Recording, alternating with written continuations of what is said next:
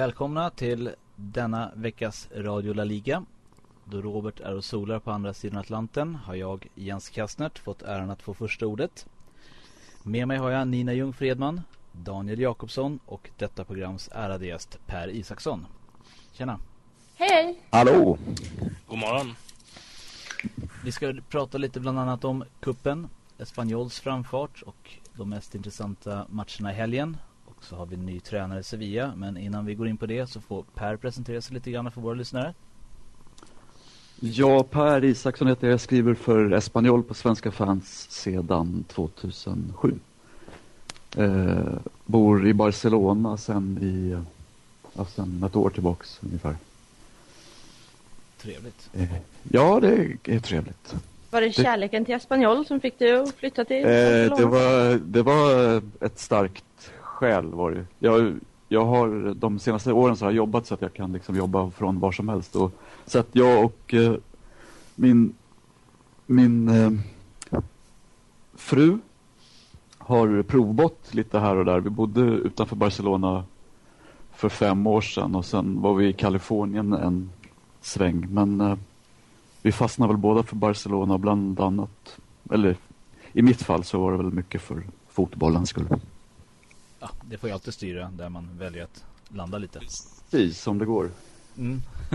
och så kan man lura med sig frugan på bästa sätt utan att hon har några eller att hon anar baktanken. ja, det var nog ganska uppenbart från början så att eh, det, Ja, det handlar om att hitta liksom eh, Men det är bra Hennes- att ha en eh, mobil partner så att säga. Som... precis. Det är det alltid. Hur är vädret nere i Barcelona nu, får man fråga det? Eh, just nu är det förhållandevis kallt. Det har, så här, lägsta temperaturen den här veckan har varit runt nollan, kanske till och med någon minusgrad. Så där. Det låter inte så, så våldsamt för er nordbor, men eh, det blir ungefär samma temperatur inomhus. Så att det är lite... Det, Ja, just man tar på sig mer kläder när man går in än när man är ute i solen. Ja, Kalla golven eller marmorgolv som finns överallt. Ja, väggar som läcker liksom. Det går bara rakt igenom. Men eh, det, det härdar. Ja, jag hörde de flesta rapporterna som kom från eh, Camp Nou på efter cupmatcherna så klagade alla på att det var väldigt kallt. Mm. När vi ändå är inne på eh, cupmatchen då ska vi prata lite om, om cupsemifinalerna. Mm. Ska vi ta Barcelona direkt då kanske? Det kan vi göra. Ja. Ehm, ganska så tufft hade de ändå tycker jag, Barcelona. Eh, men I alla fall till en början av både första halvlek och andra halvlek när Valencia såg upp mycket bra. Ehm, sen hade de ju, Mathieu var, tyckte jag var galant bra i Valencia. Men eh, ja, nej, röda kortet förstörde lite grann också men bra match. Trots att inte Valencia gjorde mål. Det röda kortet som förstörde, som hade kunnat förstöra om det hade blivit så i första matchen menar du? Och, Ja, ja precis. Det har ju också varit en diskussion om det, förstör... om det inte i slutändan förstörde för Valencia att Pinto inte blev utvisad. Men jag tror inte det. Jag... Han var bra igår, Pinto. Ja, han var ju ute två gånger var han väl, missbedömde han väl någon boll, men annars, annars gjorde han det bra. Det gjorde han. Men det är klart att, eh, att Feguli åker ut, men inte Pinto. Ja, jag vet inte. Ja, du tänker på Pinto i första matchen? ja, precis. Men det var ju en helt annan eh, incident då. Men eh, precis, nu var det ju olika domare också dessutom. Men eh, det är lite, lite hur, man, hur man bedömer situationerna. Och Mm. eh, framförallt vad som görs därefter. Ja, ja, de ska ju bedömas individuellt så, så är det ju, men Mm. Fortfarande kluven om, eh, låt säga någon Barcelona-spelare, nu är det bara konspirationsteorier här, men om en Barcelona-spelare skulle få två gula kort som Fegoli fick, det vet jag inte riktigt. Alltså om det hade varit på Mestalla då. Ja. Tveksam. Det är ju lite av den eviga diskussionen det där. Mm, Ja, men det- det är helt omöjligt att säga om, så att, Ja, men alltså ja. Det är svårt att släppa tanken på att Barca får lite fördelar emellanåt. De är, ja, både de och Real Madrid. Jo, mm. Men så har det väl alltid varit och kommer väl alltid vara också, å andra sidan. Men det betyder inte att man ska vara tyst. Absolut inte. Man får lära sig att leva med det på något sätt. Mm. Som en ond tvilling. Framförallt så ska man väl inte leva i förnekelse om det. Nej, det ut men- ljus. Nej, då får man väl en ganska sned Mm. Bild utav fotbollen. Om man tror att det är så här överallt på något sätt. Jag satt och tittade lite grann på många incidenter under gårdagens match då kände så fort det var en kamp om bollen lite grann eh, armarna rör varandra och sen så ramlar Barcelona-spelaren och det är självklart frispark direkt. Alltså det gick inte ens att nudda dem i stort sett. I vissa situationer, nu ser jag inte att det var så hela matchen. Nej. Och det är ju kanske inte särskilt anmärkningsvärt heller. Att det, vi har ju vant oss vid att det ser ut så. Och då är det klart att Barcelona-spelarna fortsätter att förstärka situationer eftersom Ja, de vinner på De det. vinner på det precis. De får ju, de får ju domslutet med sig. Mm. Ja, men sen är det väl också det att eh, det är ett lag med mycket rörelse och de springer mycket så då, och då blir det också att de eh, utmanas på det sättet att de, eh, jag menar, de ska ha, de ska ha fler frisparkar än Ja, så, så blir det ju det som, det är de som har bollen då som du säger att det går inte att det går inte att dra på sig så mycket frispark åt andra hållet när man själv äger bollen direkt. Nej. De, eh, Callejon förra säsongen när han var i Espanyol, han var väl den spelare som vann mest frisparkar tror jag hela ligan då och eh, det hände väl att han överdrev men det var inte sådär, han var ju ingen liksom, eh, han var inte någon stor filmare utan det var väl att han utmanade och, och snabb. Bollen Mm. nära fötterna liksom. Ja. Är Barcelona ett värdigt finallag? Ja, Ja, absolut. Det är de. Sett över två matcher. Även om Valencia såg upp bra, men ja, i slutändan är Barcelona bättre. ja. Vad har vi att säga om deras finalmotståndare då? Athletic Bilbao. Och matchen främst då mot Mirandes. tycker det Ja, var det är ganska starkt. uppenbart att de skulle vinna den i och för sig. Mirandes har ju imponerat tidigare i turneringen men vi trodde väl inte att de skulle slå Athletic Bilbao. och Det gjorde de inte heller. Nej, jag tror att vi kom ganska nära sanningen, eller verkligheten. Att vi, vi, vi sa att de skulle komma till semin där efter de hade sitt lätta spår.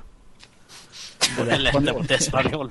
Det lätta spåret mot Espanyol. Espanyol ja. var ett av de lätta Ja, motståndarna. men den matchen var så fruktansvärt rolig att se. Inte för att Espanyol förlorade på något sätt, men just hur, på det sättet som den avgjordes där i 93 minuten. Och det var eh, spänning Det var- hela vägen in och planstormning. Och, ja, Mm. Det här har vi gått igenom. Men det var, eh, jag har fortfarande de, de bilderna på näthinnan. Mm. Mm. Ja, Och det är är någonting att man kommer att ha med sig i slutet av säsongen också. Så. Mm. Men eh, precis som i fallet Barcelona-Valencia så är ju Athletic Bilbao ganska tveklöst det bättre laget än Mirandes om man nu ska vara saklig. Även om det hade varit väldigt roligt om just Mirandes hade gått vidare. För att alla gillar en underdog, eller nästan alla. Men Men eh, Susa Etas mål, eh, 2-0 målet, det var ju bland det snyggaste jag sett på år och dagar tänkte jag säga. Ja, Om ni såg det. Eh, det var ju några inspel, en klack och så var det någon skarvning och så var det, det fintade han bort den och så la han in den i hörnet. Ja, det var ju det var, det var riktigt snyggt. Det var länge sedan man såg Atletic kunna rulla ut lag som det i och för sig mötte med ett division 3-lag nu men det är någonting som har hänt i år ändå känns som under Bielsa här. Ja, och framförallt precis efter, efter att säga att när han, när han kom och det började lite knackigt och så, men nu går de ju så tåget. Och, och vi har hyllat Llorente här tidigare, han fick ju göra två mål i den här matchen också. Men man kanske tjänar på att ha en lite knackig start ändå. Så att man inte slappnar av sen när det verkligen gäller. Mm. Jag tror, jag tror inte det var så Bielsa tänkte dock men Nej, det tror inte jag heller. Jag tror inte någon, alltså planeras det så, så går det ju om intet själva idén. Men jag tror ändå att det stärker laget på något sätt. Att de liksom lyckas resa sig istället för att göra som Zaragoza och börja stabilt och sen slappna av och så, ja. Mm. Krasch. Nej, men det är kul att se dem i finalen då tycker jag. Atletic. Det känns som att det blir ett bra final. Fast det hade varit roligare, alltså rent för matchens skull nu om det hade varit Valencia Athletic tycker jag. För det hade, Mm. Mm. Men det är det har sagt, blivit en väldigt öppen final. Nu, nu är ju Barcelona självklart eh, favoriter i finalen här också. Mm. Eh, samma final som 2009. Då ja, var det i eh, Valencia, var det inte? Ja. Så kan bli, kan bli repris på det. ja, jo, det är ju lite bryderier det där med arenan. Ja, just det. Det var ju det vi skulle titta lite på också. Vart, vart kommer den spelas tror ni? Jag gissar på Mestalla i sista. Jag tror Alltså det jag tycker, jag tycker att Camp Nou skulle vara ett jättebra alternativ. Jag tror att 40 000 Bilbao-supportrar kommer knäcka eh, alla försiktiga Barca-supportrar där. Alltså det är inte svårt rent ljudmässigt men det är eh, inte det. Dels skulle, eh, Zaragoza-klacken kan överrösta dem när de är där. Men eh, eh, alltså det psykiska övertaget ändå, det är Barcelonas hemmaarena. Spelarna vet ju om det. ja. Mm. Ja, jag är, inte säker på att det, jag är inte säker på att det är en fördel för Barca. Jag tror att det kan bli lika mycket press liksom som... eh, Men om man tittar på dem och Tittar spelat i ligan i år så har de varit ganska, alltså Jo. med deras mått mätt, ganska dåliga på bortaplan. Mm, Och då menar jag att, inte att de inte har vunnit och sådär, men de har inte gjort det ja, så bra. Nej. Men hemma så, så då har de släppt in tre, fyra mål, ja. allt som allt. Jag tror ändå det är ett psykologiskt och ja, sportsligt övertag, även om det rent praktiskt eh, hade varit bra. Och då slänger jag väl till med Resor då, de spelar där kanske. Ja, men den är ju så liten. Atletic vill ha in mycket folk, vet du. Ja, men 34 000, det är mer Ja, än det- man tror. Det är samma som på La Roma. Mest- Mestalla tar 55 va? och den tycker de ju är för liten. Så. Ja, i och för Ja, sig. då, mm, då känns sen- Mestalla bättre. Ja, men eh, ja, Santiago Bernabéu hade ju varit det optimala där kan man ju tycka. ja, den tar väl in, vad är det, 80? Nej, Ja, mer det va? är 80, mer. Ja. ja. 80 någonting. Men eh, den eh, repareras tydligen då, säger man. Trots att säsongen då inte är avslutad så bygger man om Bernabéu. Och eh, Athletic Vicente Calderón som också hade varit någon, ett alternativ. Där är det Coldplay-konsert Mhm. istället. Vilk- Det tycker jag är konstigt att man kan säga att det är Coldplay-konsert då när de inte ens har bestämt finaldatumet. Ja, datumet har de väl bestämt, det är väl 25 maj va, tror jag. Eftersom Atletico visste att de inte skulle vara i final, äh, vad säger jag, de får inte spela på den arenan då kanske. Men eh, de vill inte ha någon cup där ju. Nej, eh, för jag trodde att de sa att de inte hade spikat datumet till finalen än eftersom de inte visste om Barca spelar final i Champions League eller inte. Aha, ja, så kan det i sig Så- vara. Men det står 25, det jag kollar i alla fall. Så. Om det kanske är något preliminärt datum, jag vet Ja, ja, det kan det ju mycket väl vara. Men då- eh, inte. Då är det Ja. svårt att bestämma att det är liksom Coldplay-konsert på Vicente Calderón innan man ens de kanske alltid spelar där i och för sig. Calderon. Husbandet. Eh, De bygger om på eh, Santiago Bernabéu mitt i säsongen och Coldplay spelar jämt på Vicente Calderón. ja. Men eh, Betis Arena då? det, 56. de säger att det är för långt. Men det är så långt att resa. Sevilla och, eller. Ja. och Malaga och allt möjligt.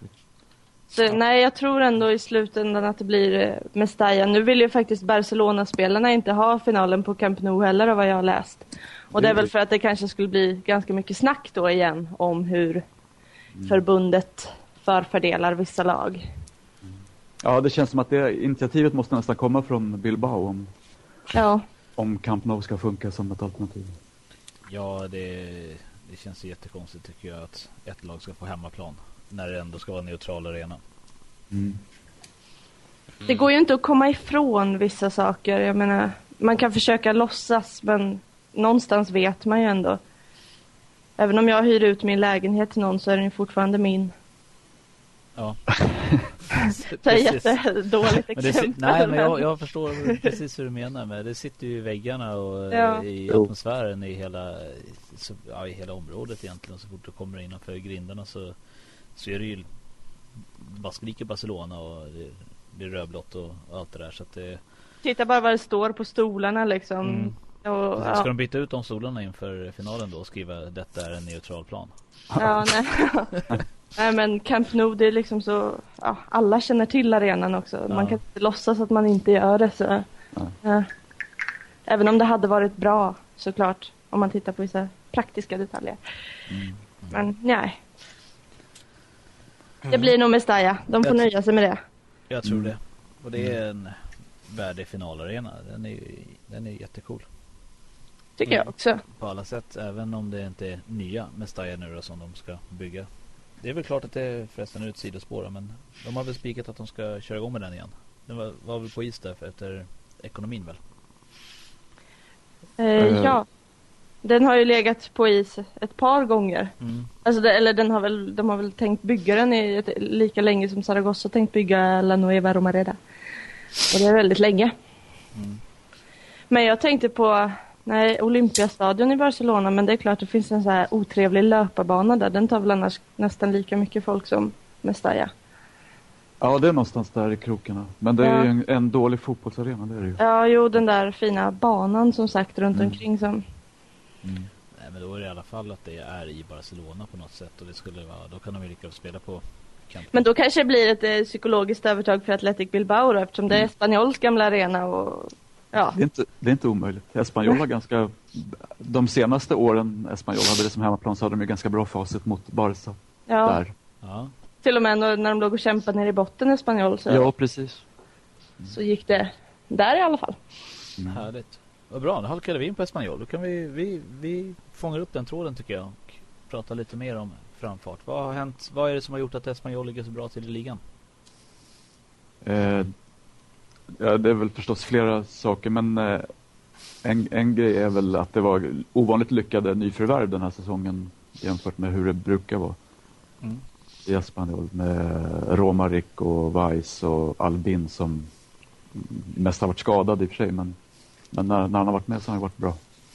Och, i- och i kombination med att det inte försvunnit några riktiga nyckelspelare då förutom eh, Kameni. Ja, fast han... Han, han har suttit på bänk eller, eller ja. Men, Ja, och, och, och eh, både Christian Alvarez och Kiko Casillas har ju visat att de är liksom värdiga ersättare där. Men jag tänkte på Luis Garcia är väl kanske den som eh, saknas Ja. mest. kanske mentalt framförallt då eller? Ja, Han spelade ju inte så mycket sista året, men han var ju lite sur på Pochettino där. han, han blev väldigt ofta utbytt andra halvan av förra säsongen. Jag vet inte om det var någon eh, sån där utfasningsgrej, liksom, att man skulle börja vänja sig vid tanken på att han inte ska vara kvar. Men det, det avgörande för att man släppte honom var ju att han kostade för mycket, vilket, eh, vilket man blev lite förvånad över att han hamnade i Zaragoza. Då. Men, Jo, för där har de ju det är en rik ganska snävt lönetak dessutom. Mm. Ja, nej men eh, och sen är det ju också en, en, en eh, nyckel den här säsongen jämfört med i fjol och, och året innan det också är att man börjar ta lite poäng på bortaplan. Vilket var hopplöst tidigare. Mm, det var väl hopplöst i början av den här säsongen till och med också va? Eh, Tills eh, halva säsongen när ni började ta poäng. halva, första halvan kanske. Ja, jag har för mig att det var bättre än tidigare redan. Ja, det kanske var det. Men... De vann inte på bortaplan förrän eh, omgång åtta. Ja. Nej. Förra säsongen så vann de inte på bortaplan förrän eh, in på vårkanten någonting. Mm. Så att det, det är ju en klar förbättring. Ja, men sen framförallt har de ju spelat väldigt bra mot eh, mot de lagen de ska ta poäng mot också. Och även de här riktigt bra lagen om man ska säga. Där de spelar rätt jämnt mot Valencia och sen omgången efter så vinner mot Atletico. Eh, Ja, alltså- Kryssar Barcelona i samma, var i samma månad där någonstans. Mm. Fast fortfarande känns det som ett problem för, för Espanyol att de, eh, jag menar, de spelar ju aldrig så bra mot någon annan än mot Barca. Liksom. Det, det är ju, om de kunde spela som de gör mot Barca hela säsongen så skulle det inte vara någon tvekan. Men eh, sen kommer Mirandes till exempel. Det, Ja. ja då där var de ju faktiskt riktigt usla. ja, Var det första... motivation eller underskattning? Brist på Ja. motivation eller underskattning? Vilket? Eh, nej, det, men eh, helt klart så är det ju så att eh, de lyfter sig när de, eh, när de ställs för svårare utmaningar. Liksom. Men Hade den... fått eh, ja. Barcelona eh, Espanyol i finalen i Copa del Rey hade det kunnat vara ganska intressant också med tanke på att de brukar ha ganska svårt Barcelona då, för Espanyol. Men det var ett sidospår. Ja, det hade varit häftigt. Mm. Eh, eh, Pochettino är ju faktiskt den tränare i ligan nu som har mest poäng mot Guardiola. Mhm. Vilket, vilket bland annat nämns som argument för att Madrid, man bör, i Madrid börjar prata om Pochettino som ersättare för Mourinho. det brukar räcka med något sånt. Då. Bara man har mer po- mest poäng mot Guardiola då. Ja, precis. Det är anti-Barca-regeln. Mm. Komplexen där, de där två lagen emellan. Mm. Eh, Ja, det, är, det är jätteroligt att det går eh, så pass bra. Det är absolut un, undrar, man, undrar man dem att, eh, att få en, någon sån här säsong och hoppas att det håller i sig också. Blir det Europaspel i höst då? Eh, Jag tror det. Det- Fast det brukar jag alltid tro i och för sig. Men, Ska man göra. ja. eh, nej, men förra säsongen så var det ju en hårsmån. Eh, för att det var väl en plats, det var väl ner till sjuan va, förra året, var det inte så? I och med att eh, Madrid Ja, en plats till, ja. ja. ja, precis. Men det kan ju bli i år också kan det ju bli, vad ska säga. det, Ja, mycket troligt så blir det det. borde det kunna bli ja. Mm. Med tanke på att Atletic kommer ju ta en Europaplats. Är jag ganska säker på. Ja, det är ju tajt. Det, är- det är Ja. som, som vanligt då förstås. Men eh, jag tror ju att Levante kommer ramla ner från, från de här platserna och det kommer ligga mellan Espanyol, Atletic och Atletic. Sevilla då? Ja, kanske. Får de fart på det nu Nej. efter post Marcelino liksom? Du tror inte på Michel? Ja, tyvärr så eh, vet jag lite för lite om honom förutom att han gjorde en bra säsong i Getafe. Och jag menar, vadå? Det, det har ju många, många tränare har väl gjort en bra säsong med något lag. Och, eh, Mm. En, mer eller mindre en smålagstränare. Jag hade mycket hellre sett eh, Kike Sanchez Flores som jag har tjatat om länge att, han, att jag vill ha honom i Sevilla. Nu, eh, Men han har ju snart tränat alla spanska lag. Mm, ja, det är väl jättekul. Nu, nu är vi där. Vi kanske ska, kanske ska köra det här spåret när vi ändå är inne på det. Eh, Sevilla har ju haft eh, vad är det? det är fyra tränare nu på två år. Eh, De är nästan är fem om man räknar några månader till där när, när assisterande fick gå in och ta över. Och det blir ju verkligen ingen kontinuitet. Nej. Eh, Jag tror inte på det upplägget och ser absolut att det är ledningens fel. De borde satsa mycket mer på en mer erkänd tränare från början för att kunna hitta någon sorts Mm. på något sätt. Jag, jag hoppas att jag blir motbevisad självklart. Jag, det vore ju kul om Sevilla vann alla matcher som är kvar och mer eller mindre vinner ligan. Men eh, det kommer inte hända. Och, eh, men en, en Europaplats vore ju fortfarande toppen för den här säsongen ser ut att inte bli något vidare bra. Men eh, hur är Michels kontrakt nu? Är det säsongen ut eller är det så att klarar han en Europaplats så förlänger man det med en säsong till eller? Oj, jag har faktiskt inte hört så mycket mer om det. Jag trodde att det var tills vidare och sen så får väl de utvärdera efter säsongen om de känner att det var bra. Men det kanske, det kanske står någonstans i något, någon klausul. Jag måste passa på det, jag vet inte. Daniel kanske vet. Eh, nej, nej, det vet jag faktiskt inte. Men eh, att de utser Michel till att börja med tycker jag är jättekonstigt. För det är ju ingen etablerad tränare på något sätt egentligen. Det var Real Madrid B han varit i. Sen var det Getafe. Mm. Och där fick han kicken efter ett och ett halvt år eller vad det var. Och så får han ta över Sevilla nu som... Ja, det känns fel till att börja med. Och det var ju ändå andra namn uppe på tapeten till och med om att eh, Juan Ramos skulle göra comeback liksom. Men eh, Ja, Eh, han är han nu då? vad sa du? Är han ledig? Eller vad gör han? Ja, Det kan jag kolla upp på en gång. Han är i Div... FC Dibnirdio Dibnjovedsko i Okej. ukrainska Premier League. Kunde inte sagt det bättre själv. Nej. Bra pröjs, bra pröjs och dåligt väder. Ja. Precis. Men Eh, Rafa Benitez är tillgänglig bland annat. Ja. Hade han gjort sig i Sevilla? Han hade vunnit ligan med Sevilla. Oj! Nej, men han hade ju garanterat tagit en Europa League-plats i alla fall. Men jag, hade nog varit, jag hade nog varit mycket mer optimistisk med ett, eh, ett namn som Benitez eller någon av de här mer erkända.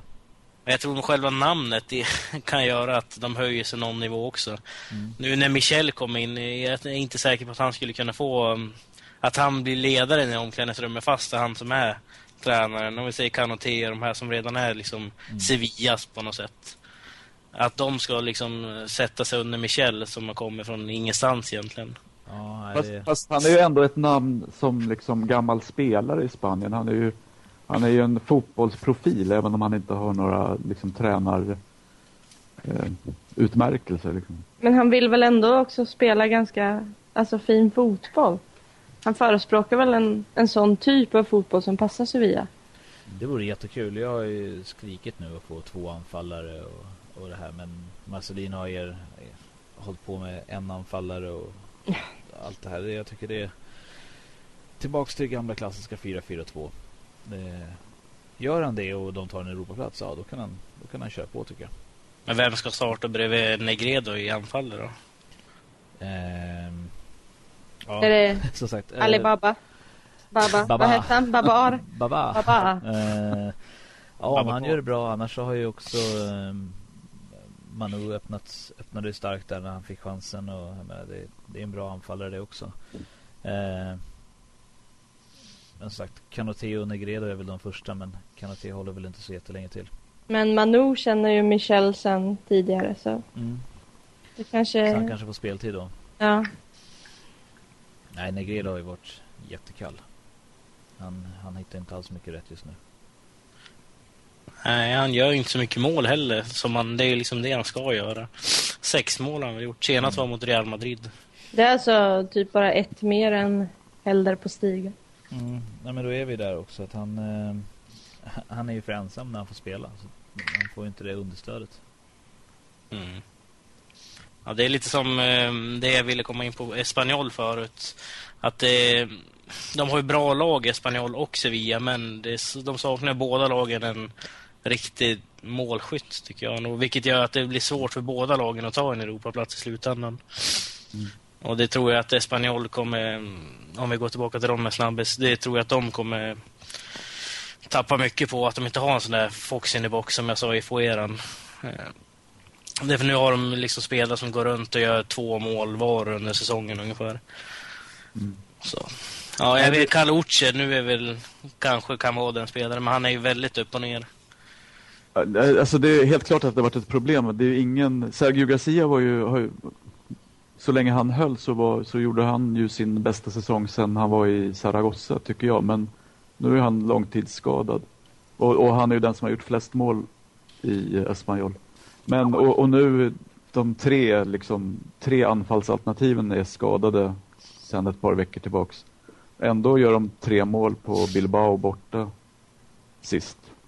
Vilket känns ganska hoppfullt att det, det finns Ja, ja. ändå. Ja, det är det jag menar. Alltså, det är liksom enskilda spelare som får göra ett något mål då och då, men det känns inte som att de har en den här starka nummer nio liksom, som kan göra, Nej, det, sk- skicka dem till Europa liksom, i sista omgången ungefär. mm. Det, Nej, det är helt sant. Och jag tror inte att Uche är den... eh, Jag tror inte Uche fyller den tröjan heller. Nej, det har jag svårt att se också. Uh, TV, eh, han är väl med i ytter han. Han är, han är instabil. Han är väldigt... Han gör jättebra grejer ibland men eh, helt livsfarlig emellanåt. Han, Han är väl ute? Nej, han är instabil. Ja. Men det är ju en härlig spelare annars, när han är på humör. ja, men han har fantastisk speed och eh, liksom tar sig fram men eh, ibland så liksom försöker han passa hem till målis när det är från halva plan och så här galna grejer. Liksom. Han är lite för ung fortfarande på något sätt. Ja, men det var, han började väl bra, och sen nu har han väl gått ner lite grann, om man säger så. Kanske. Kan man tycka. Ja, åter till Sevilla. en liten instickare. Ja, jag vet inte om det är så mycket mer att säga. Vad har vi? Vad har vi kvar i, i Michel? Eh, Ge killen en chans. Ja, absolut, ja, men det, vi har väl inget annat val. Vi får ju sitta här och Nej, titta så- på. Alltså, Och eh, som sagt, det vore ju kul om det blir, blir något bra av det. För att eh, det är ju ett lag för Europaspelet. Mm. Så det vore kul om de var där uppe och krigade om de platserna. mm, det är fyra poäng ner till nedflyttning förresten. Ja, jag vet. Det är längre från nedflyttning än vad det är upp till Champions League-platsen. Så att, Jag kände att jag skulle påminna dig på lite grann. tack. Ja. Ja, det gjorde du bra. Det måste jag säga. eh, ska vi gå in lite på vad som komma skall? Det tycker jag. Helgens matcher. Så har vi Mm. några roliga matcher att se fram emot. Vi har ju ett möte här vi ska diskutera och vända på ut och in och allt möjligt. Det är ju helgens höjdare. Höjdarmatchen ja. Espanyol Zaragoza. Absolut. Espanyols hemma. Mm. Sist eh, blev det 4-0 tror jag. till Espanyol förra säsongen då, när vi möttes på Corneja. Mm. Men i höstas vann Zaragoza va? Ja, med Var det 2-1. rätt. Och det var eh, var Espanyol-fansens stora favorit som gjorde båda målen där. Ja, han har ju sagt att det här är hans, eh, det kommer bli hans me- mest känslofyllda match någonsin. Ja. Och eh, det får man väl förstå. Ja. Nej, det är alltså, för Espanyols del så är det ju, eh, jag menar Zaragozzas eh, fördel, eller vad man ska kalla det, det är ju ett desperat poängbehov. Så att, eh, Jag tror att Finns- Zaragozzas fördel kan vara lite samma Mirandes fördel där. Att kanske, kanske underskattar man Zaragoza lite grann. ja, Jag hoppas på det i alla fall. Så. Kommer de storma planen? Bortafansen.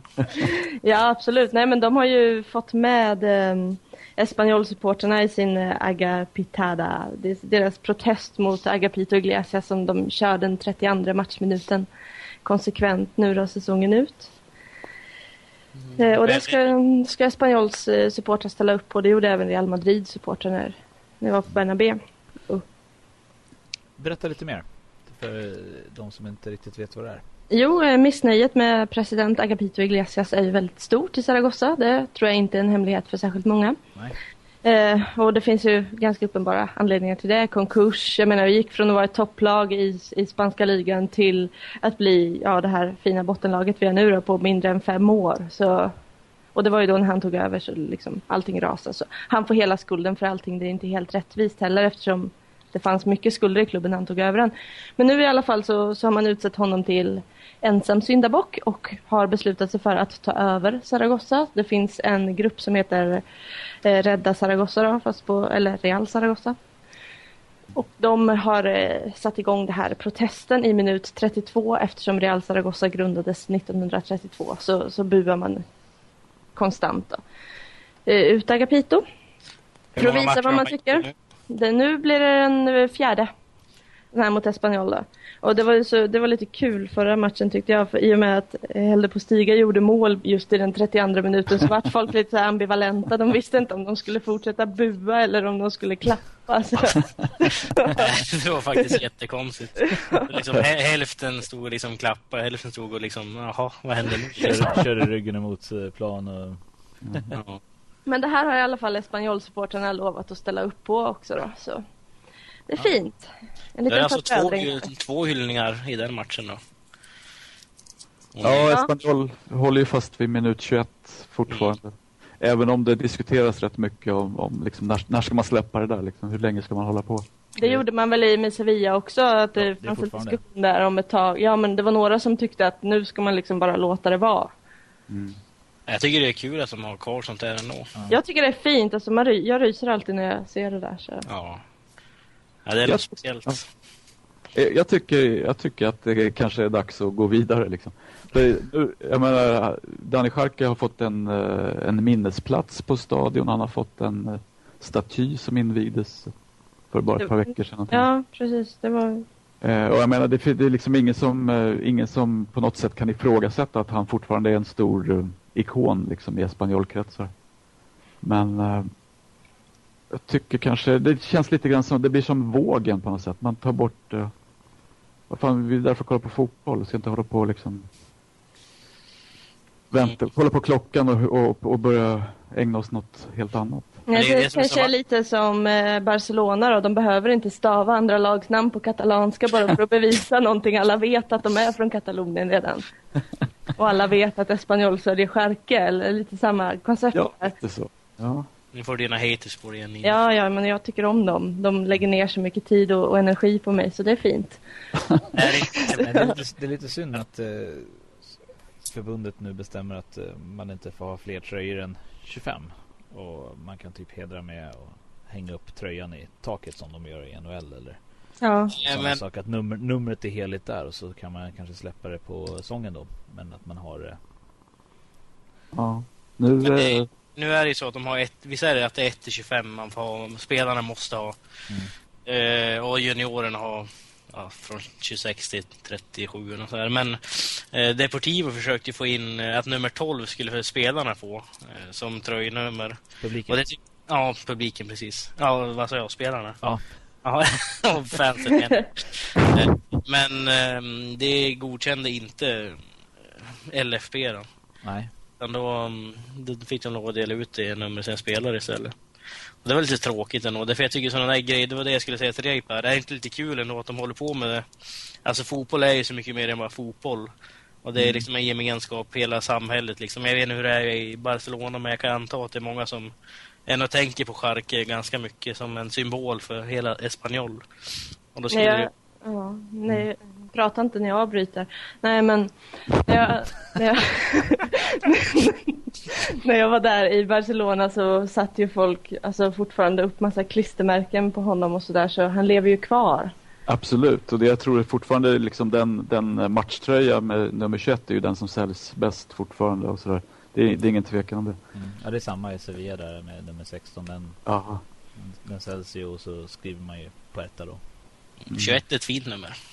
Valleron. Mycket fint. Zapater. Valleron. Alla har vi några ja, referenser. Ja. Nej, men det, det kanske blir två protester då.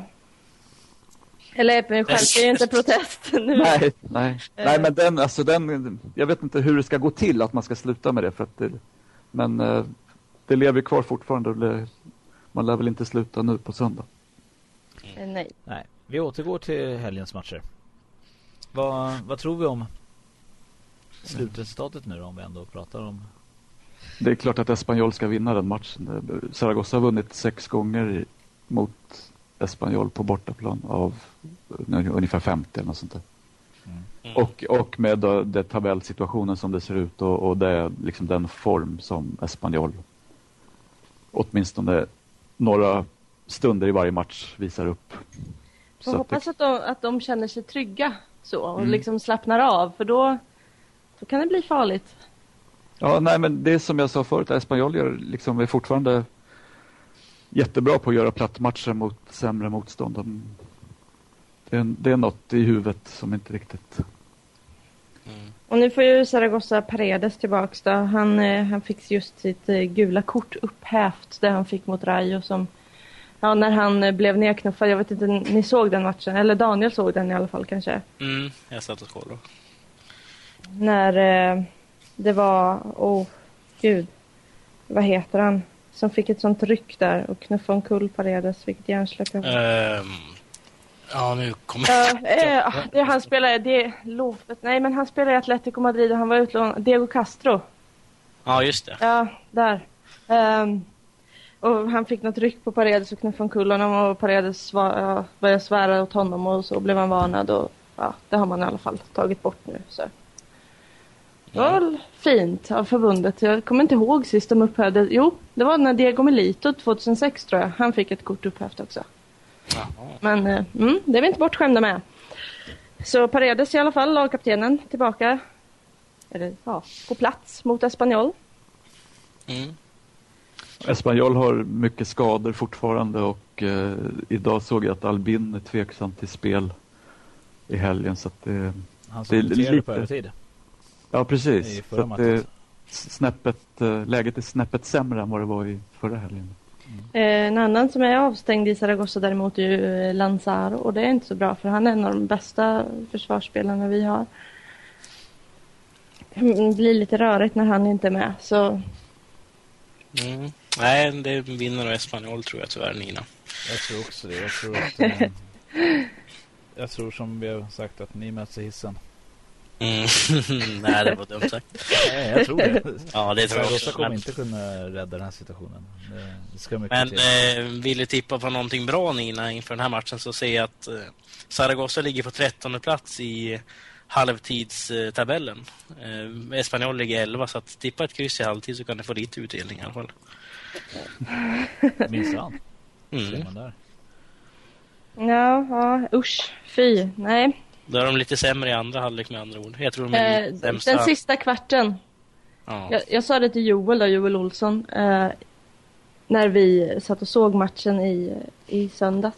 Och vi ledde fortfarande och nu sa jag, nu kommer den här jävla sista kvarten och jag hann knappt säga klart meningen för kvitteringen satt där. Ja. Så, Du jinxade.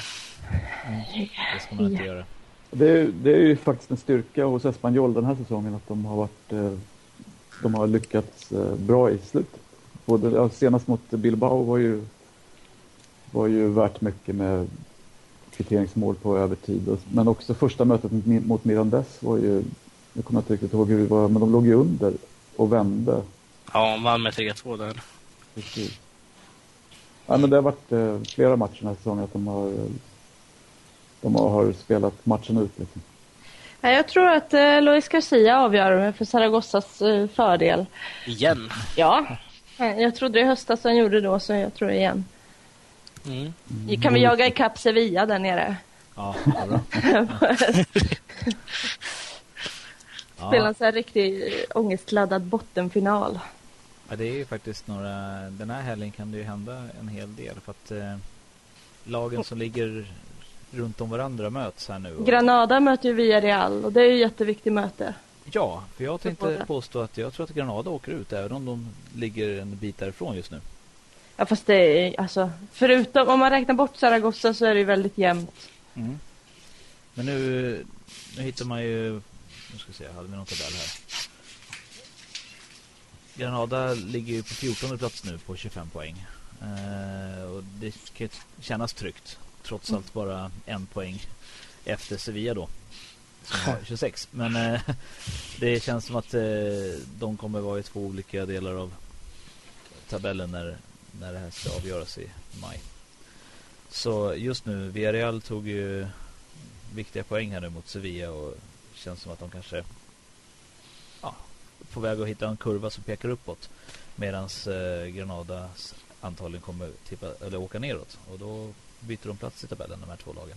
Men tittar vi på ett annat lag som ligger här nere så är det ju Racing. Mm. Och de riskerar ju faktiskt att flyttas ner i Segunda B. Ja, På grund Ja. av sin jättedåliga ekonomi med den här bluffmakaren Ali Suyed som vi har pratat om ett par gånger tidigare i Radio La Liga så, så fick ju klubben inte gå i konkurs så som Zaragoza gjorde. De är alltså inte skyddade av konkurslagen. Så, Oj. fast deras ekonomi är ungefär lika dålig. Alltså åker Racing ut i år, då tror jag de försvinner helt nästan. Det är det som är så synd. Men vad- händer om Racing skulle sluta på 17 plats och sen så blir tvångsnedflyttade? Åker, jag menar, fly- flyttar man upp? Det var det jag tänkte och 18. undrade också över eh, nu när jag kom in på det. Liksom, Hur Mm. gör man då om det... Kan Jag det i skulle- så fall bli en chans, alltså någonting som kanske motiverar då Zaragoza att, eh, att tänka att ah, men slutar vi där och Racing kanske slutar precis över strecket så får vi kanske Mm. vara kvar i alla fall för att man tvång, tvingar ner dem i, och inte bara i Segunda då utan i Segunda B. Mm, men då skulle jag nog tro att det är förloraren i kvalfinalen som i Segunda som går upp faktiskt. det tror inte jag. Jag tror inte att det kan bli fyra Men jag tror att det blir så- lag som går upp. Man belönar väl hellre en vinnare som ändå är en kvalfinalslag än de som kommer näst sist i premiären, tror Nej, jag. jag tror att man oftast brukar belöna de som redan ligger i den högsta, högre divisionen. Ja. Gör man inte det? Eh, De är ju trots där av en anledning sedan tidigare. Jag tror det kan bero lite på vilket lag det är också faktiskt om man nu får vara så Ja. hemsk. Om det, om det inte finns någon eh, tydlig regel för det så kan det säkert bero rätt mycket på vilket lag det handlar om. Mm. För att så var, gick, kom ju faktiskt Zaragoza B upp i Tercera Division nu och de fick ju gå om ett par lag just bara för att det var Zaragozas B-lag. Och inte ja, något, något jättefattigt lag med egna ambitioner. Zaragoza är ju jättefattiga men eh, som dessutom var okänt. Så fick de gå förbi ganska många och ta sig upp i, i Tercera Division och jag tänker att man kanske i viss, till viss mån också tar hänsyn till vilken klubb det faktiskt gäller. Om det gäller ett klassiskt lag som Zaragoza eller ett eh, lag som, ja, vilka som nu ligger på kvalplats i Segunda B. Som Mm. kanske inte är så, ja men Sabadell eller någon som, Valladolid kanske. ja nej de, de hade man kanske tagit före, jag vet inte, de har ju så pass stor. Ja. Sabadell vore ju roligt. Det är väl deras första säsong i det inte? Mm. Ja, jo men det är just därför jag tänker att de, ett sånt lag hade kanske fått backa för ett, eh, ja, Mm. mer anrik klubb då. då. I, Eh, sen vill jag bara säga att Sabadell tror jag inte är det första. Va? Det är väl ett gammal, gammalt Segunda-lag, är det det? Jag Jag menar den här att- säsongen. Alltså att det, Ja, alltså nykomlingar. Ja, Ja. precis. Ja. Därför jag minns att de var i samma division som Deportivo i Segunda 90 eller så där. Och då gick Deportivo upp och så vann de ju ligan till slut medan Sabadell hamnade nere i Tercera division. Ja. Så att det svängde väldigt mycket där när de, efter den säsongen. Mm. Minns att jag skrev om det någonting. Bra. Vad har vi mer för matcher i helgen? Eh, toppmöte i eh, Segundan har vi. Om, eller ska jag ta en primera match istället? Nej, du får ta det, det som händer som är intressant. Eh, då kan vi bara ta lite kort. Eh, Hercules mot Deportivo. I, eh, I Alicante, eller i Valencia. Är Vi är i Alicante? Ja, det är Alicante. Alicante. Ja. Ja, precis. Den, den här klassiska, numera klassiska 12-0-0 matchen på söndagar. Så Ja, Hercules de, och Deportivo måste jag ju säga nu efter förra veckans sändning tråkas ju igenom eh, Segundan med 1-0 matcher, 2-0, 1-2-1 liksom. Eh, och Hercules de har gjort, eh, om det är femte minst mål av alla i ligan, i Segundan, ändå ligger de femma i tabellen. Så att, ja, ska man tippa på den här matchen då ska du tippa under 2,5 mål i alla fall. Kan du nog få fina stålar här. Deportivo sju raka segrar har man inte haft sen ja, när de var i Champions League. Och de eh, har fyra mm, bortamatcher utan att ha släppt in mål, vilket de inte har haft sen ja, de vann ligan tror jag. Eller sådär. Så att eh, det går bra för Deport nu. Det var länge sedan man kunde njuta så här mycket som Deportivo-supporter det är kul med segundan. Ja, det är faktiskt jättekul med sekundan. Om vi har liksom eh, Valeron vaknar till, leder, eller ligger tvåa i assistligan.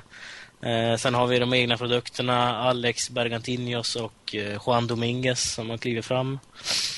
Och så, ja, de får eh, ett andra liv, vissa av de här veteranerna. Och sen Borja Fernandes vet jag fortfarande inte vad han gör där, men ja, Getafe-spelaren där som de bytte mot Ruben Perez som de tyckte var jättebra byte.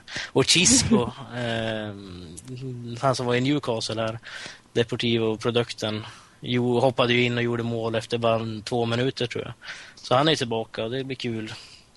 Inte lika kul när Bodipo kommer tillbaka för han kommer bara sitta och göra bänken varm, inte ens den läktaren varm. Men är det inte så att Deppo riskerar ett eh, poängavdrag också? Eh, du tänkte med tanke på um, pengarna de skyldiga? Ja, Eh, ja, det snackas ju om det, men det kommer ju... alltså det är ju alltid prat om så med vissa Ja. lag. Jag Ja, känner ju igen nu- det där själv. Zaragoza ska ju alltid få poängavdrag enligt många. Ja. Men nu är eh, det ju Gustavo Monua, va? Du tänker på? Målvakten som de är Ja, ja, precis. National. ja, Eh, ja, det har ju varit på tapeten jättelänge att de ska... Alltså, de har inte betalat tillbaka. Jag kommer inte ihåg vilken, hur mycket det var, men... Det har varit på tapeten länge att de ska få några poängavdrag. Jag tror de surrade om det i premiären redan i fjol också. Så det tror... eh, står här att om de inte betalar en miljon euro då, innan den 3 mars så kan de få ett 6 poäng avdrag. Mm. Men ja, sen så det ska nog förstås jäkligt mycket till för att det ska sättas i verket. Ja, ja, han är just Monoa var väl inte den mest uppskattade Deportivo-spelaren heller med tanke på bråken hade med Awate i Deportivo. Ja, ja, det kommer jag ihåg när de slogs där om eh, och Awates vackra blåtira Ja. eh, som prydde Marca. Men eh, ja, det spelar ingen roll om han var uppskattad eller inte i det här avseendet egentligen med tanke på att det, det skiter väl de som vill ha sina pengar i. ja, ja, absolut. Klart. Ja, men, Men, han var eh, ingen bra hos oss så, så kan vi Nej. reklamera spelaren liksom. Nej, de, eh, han har ju blivit lite blödigare Lendoiro ändå nu på senare tid med tanke på det här med Vexindario där i somras. Ja. Och att eh, han hade något möte här med styrelsen nyss. Fast då var han inte bra, det ska jag säga. Då var han som en diktator istället. Då skulle allting som han sa, allt han sa skulle de lyda och det var liksom spioner allihopa som satt i det där eh, klubbmötet. Så alla höll ju med honom. Förutom två. Och de fick eh, skymma ansiktena när de skulle säga vad de tyckte ungefär.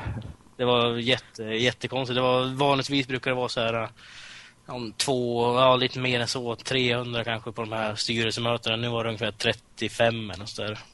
Så jag vet inte vad som...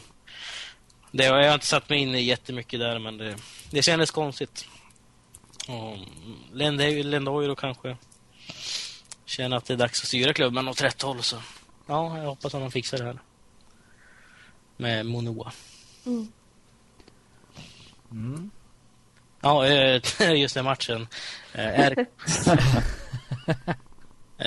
Jag skulle vara, komma med de goda nyheterna. mm, just det. Eh, nej, men jag tror, jag tror faktiskt Depor vinner här mot Hercules.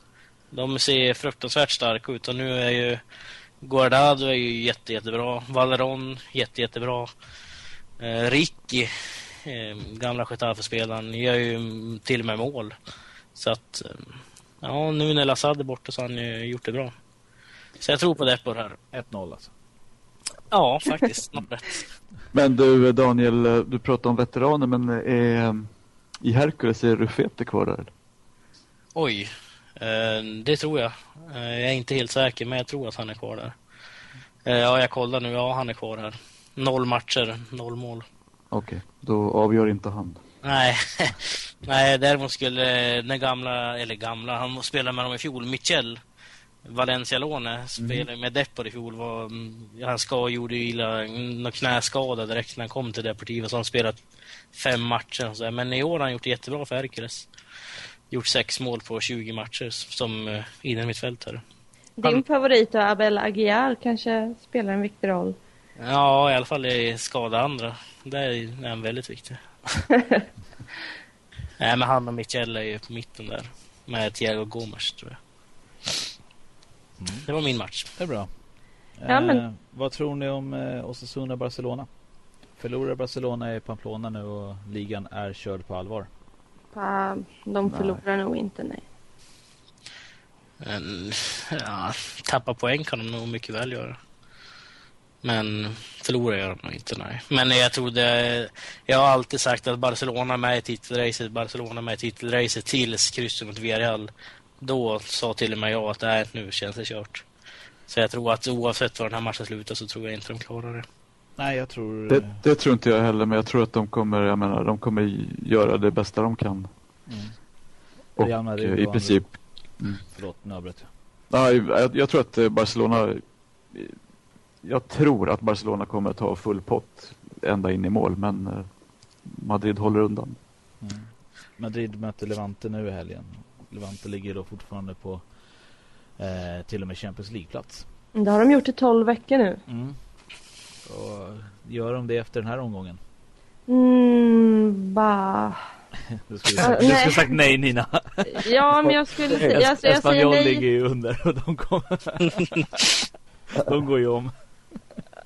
Men inte om Levante vinner.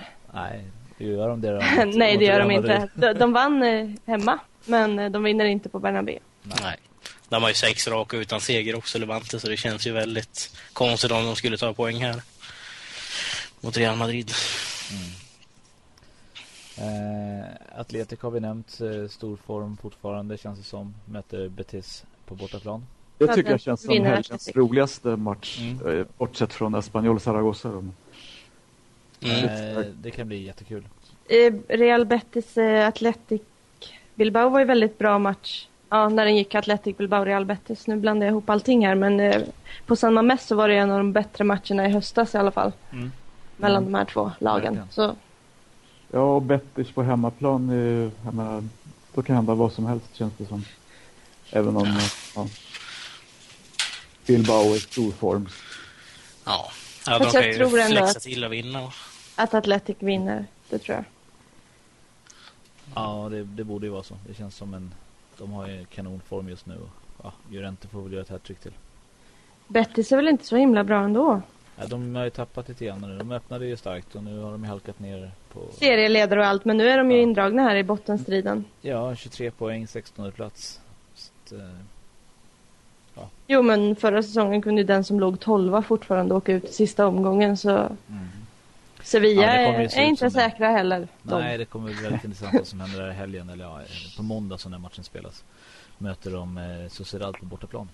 Mm. Och, eh, det känns ju som att ska det här gå vägen så ska, ska Michel börja på ett bra sätt för att det har gått oerhört knackigt nu på slutet.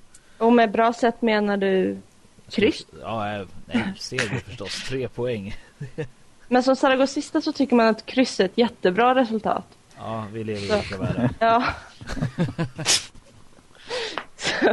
Men ni siktar på att komma näst sist också Nina. Ja, Så jag att ni ska bara, ta Racings plats. ja, bara de åker ner så då, då är det... vad är om Racing kommer sist då? Och ni kommer näst sist, då tjänar ni ingenting på det där. Eller? Nej. Fast då ska ju Racing ändå ner till Segunda B. Nej, det gör vi förstås ändå inte men... Ah, nej. Sevilla, som sagt. Sevilla vinner. Eh, och spelar med två anfallare. Mm, Babacar. Ja, eller Manu och Negredo eller vad det nu blir. Real Sociedad eh, var de moraliska vinnare mot Barcelona förra veckan. När de, de gjorde det. Stod ändå på sig rätt bra där tyckte jag. De, ja, precis. Nu eh, tog de ju verkligen ledningen. Eh, eller någonting sånt heller. Men eh, Nej men de bjöd inte, alltså de... De lekte gjorde inte som bort ett nej. De, nej precis, de, Nej. de stod på sig, alltså bra. Mm. De förlorade bara med ett mål. mm. Ja. Lyckades göra mål på Camp Nou. Oh. ja, en av få som faktiskt har gjort det i år. Det är första va? Säsongen. Jag tror det är första laget som har gjort det. Är, det, s- Nej, Jo, jag är det möjligt? I, nej, det är det inte. de har ju tre insläppta. Ja, precis. Tre insläppta. Ja, Ja. det stämmer. Eh, Ja, Mm. fortsätt. Ja, det är bra. Ja, Nej men kan de vara lite moraliskt stärkta av det här? Och tänker haha nu kommer det här jäkla bottenlaget Sevilla liksom, nu ska vi...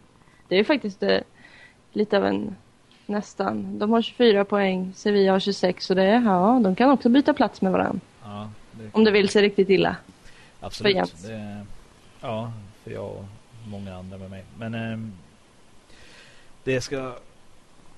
Nej, ja, jag, det, jag vet inte vad jag ska säga längre. man hoppas hela tiden på seger. Man, man, man går in där med kanonambition och sen så sitter man och kollar på matchen och så blir man bara mer och mer missnöjd och så känns det som att ingenting fungerar. Och, ja, men tränarbyte har ju ibland en positiv effekt. Så att det kan man ju hoppas att den kommer omedelbart. Omedelbart. Mm. Ja, det var väl det om helgen. Eh, någonting vi har glömt att säga annars så försöker vi väl avrunda det här programmet. Har vi missat något? Ett, ett tillägg bara till Espanyols eh, framgångar är ju, alltså Pochettino är en nyckel och eh, en, en stor del är ju att han har fått eh, jobba så länge. Ja precis, I man är, de är, är konsekventa där. De håller inte, det finns stabilitet där. Precis. Han är väl alltså- en av de som har varit längst på sin post nu också, tror jag. Efter Guardiola. Där har väl tränarna som är kvar i La Liga. Ja, han, han kom in 2009 i början av, eh, mitten på säsongen, i början av året 2009. Ja, Han det säger väl allt. Ja, eh, och innan dess så hade ju Espanyol som eh, ja, tre tränare på en och en halv säsong eller något sånt där. Och eh, det, jag menar, det betyder mycket. Det, det är klart att tränarbyte ibland kan, kan eh, göra en skillnad men, eh, men eh, det känns som en... eh, det är ju liksom den enklaste utvägen. Det är enklare att byta tränare än att byta ut en massa spelare. Mm. Men eh, det är ju... Det bästa resultatet är att behålla en tränare väldigt länge för att det går bra. Precis. Eh, Men i, i Pochettino och Espanyols eh, fall så är de, de, i klubben så pratar de om projektet liksom att det är Pochettino är en viktig del i projektet men det finns liksom inget projekt utan det, det det handlar om det är att eh, Espanyol måste sälja spelare för att klara ekonomin och eh, den tränare man nu har får, får liksom vänja sig vid tanken på att plocka upp spelare från B-laget hela tiden. Utveckla dem för att sedan sälja dem vidare. Ja, det är enda möjligheten. Ja, men det är, alltså, så är det för Zaragoza och väldigt, väldigt många andra lag också. Det är inte så roligt alla gånger. Det känns lite hopp, alltså, tröstlöst ibland kan jag tycka. Det begränsar ju liksom, man får ju anpassa ambitionerna efter den Mm. verkligheten. Och tänka att det bara är tillfälligt. Ja, Snart försvinner Pochettino också. Nej, snart så försvinner skulderna så man kan göra en, e en egen satsning. En riktig. Snart kommer araberna. Kan ni tänka. Ja, precis. Bra. Med det avrundar vi då. Det gör vi. Och tackar Per så jättemycket för att du ville medverka. Mm, det var roligt att komma fram. Så ringer vi lite i pilarklockan här. För kära Aj. gossar. Ja, jag önskar en trevlig helg och ehm, så hörs vi igen nästa vecka.